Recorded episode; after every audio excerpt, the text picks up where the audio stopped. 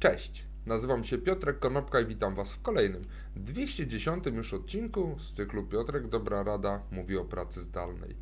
Dzisiaj powiem kilka słów na temat tego, jak zmysły wpływają na pracę zdalną, jak praca zdalna wpływa na wszystkie nasze zmysły.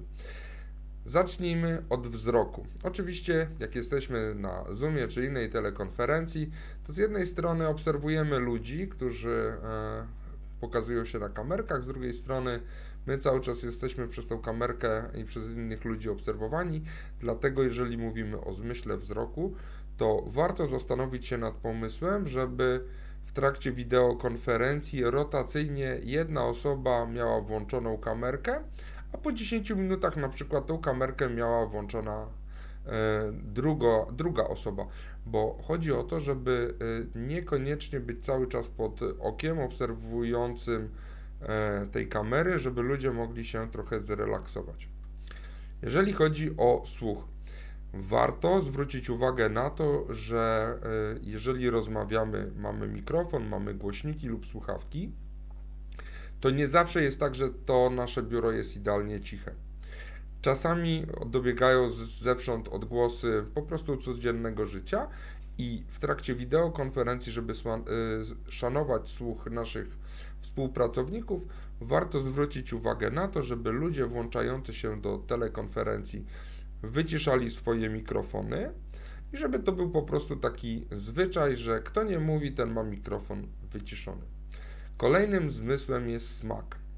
Warto zaplanować regularne e, przerwy na posiłki, na przykład 5 minut co godzinę, ponieważ to nam pozwoli e, z jednej strony oczywiście zrelaksować się, odejść od komputera, a z drugiej strony pobudzimy ten zmysł, którego najczęściej w pracy zdalnej nie używamy, czyli pobudzimy smak, e, tak żeby nasz organizm czuł się lepiej.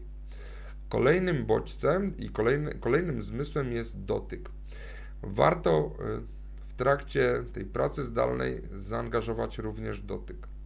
Oczywiście brak interakcji personalnych powoduje to, że angażowanie dotyku jest trudne, natomiast warto na przykład zrobić coś takiego, że y, współuczestnicy naszego spotkania będą mieli za zadanie zapisać długopisem na kartce jeden y, lub pięć pomysłów dotyczących tej sprawy, nad którą aktualnie dyskutujemy. To spowoduje, że zmysł dotyku będzie również angażowany do pracy zdalnej. Kolejnym zmysłem jest powonienie. I oczywiście nie umiemy jeszcze przekazywać na odległość zapachu, ale y, ponieważ zapach bardzo mocno jest powiązany z, w mózgu, z tym, o czym mówimy.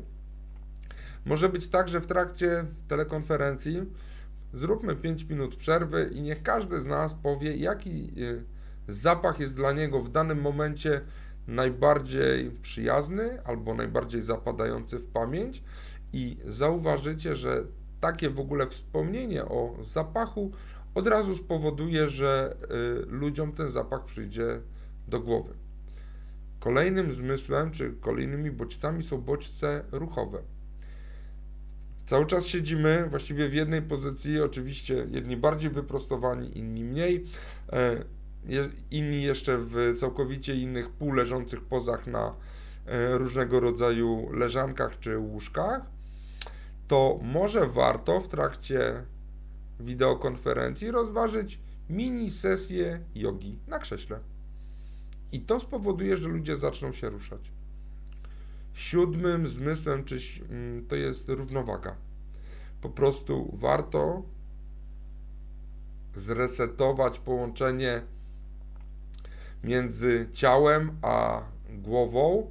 Warto ruszyć się trochę, warto przeciągnąć kark, tak żeby nasz organizm, który cały czas jest zlokalizowany w jednym miejscu, również mógł zareagować na to, co się dzieje wokół, żebyśmy tej równowagi nie tracili.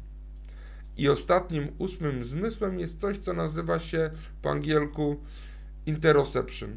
To jest e, odczuwanie własnego ciała, czyli wszystkich organów wewnętrznych, to, że na przykład w danym momencie oddychamy.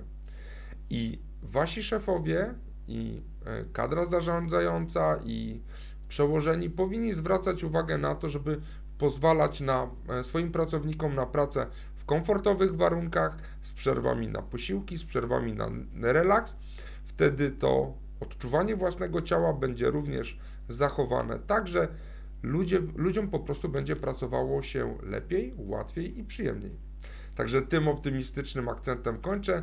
Dzięki serdeczne, do zobaczenia i usłyszenia w poniedziałek. Na razie.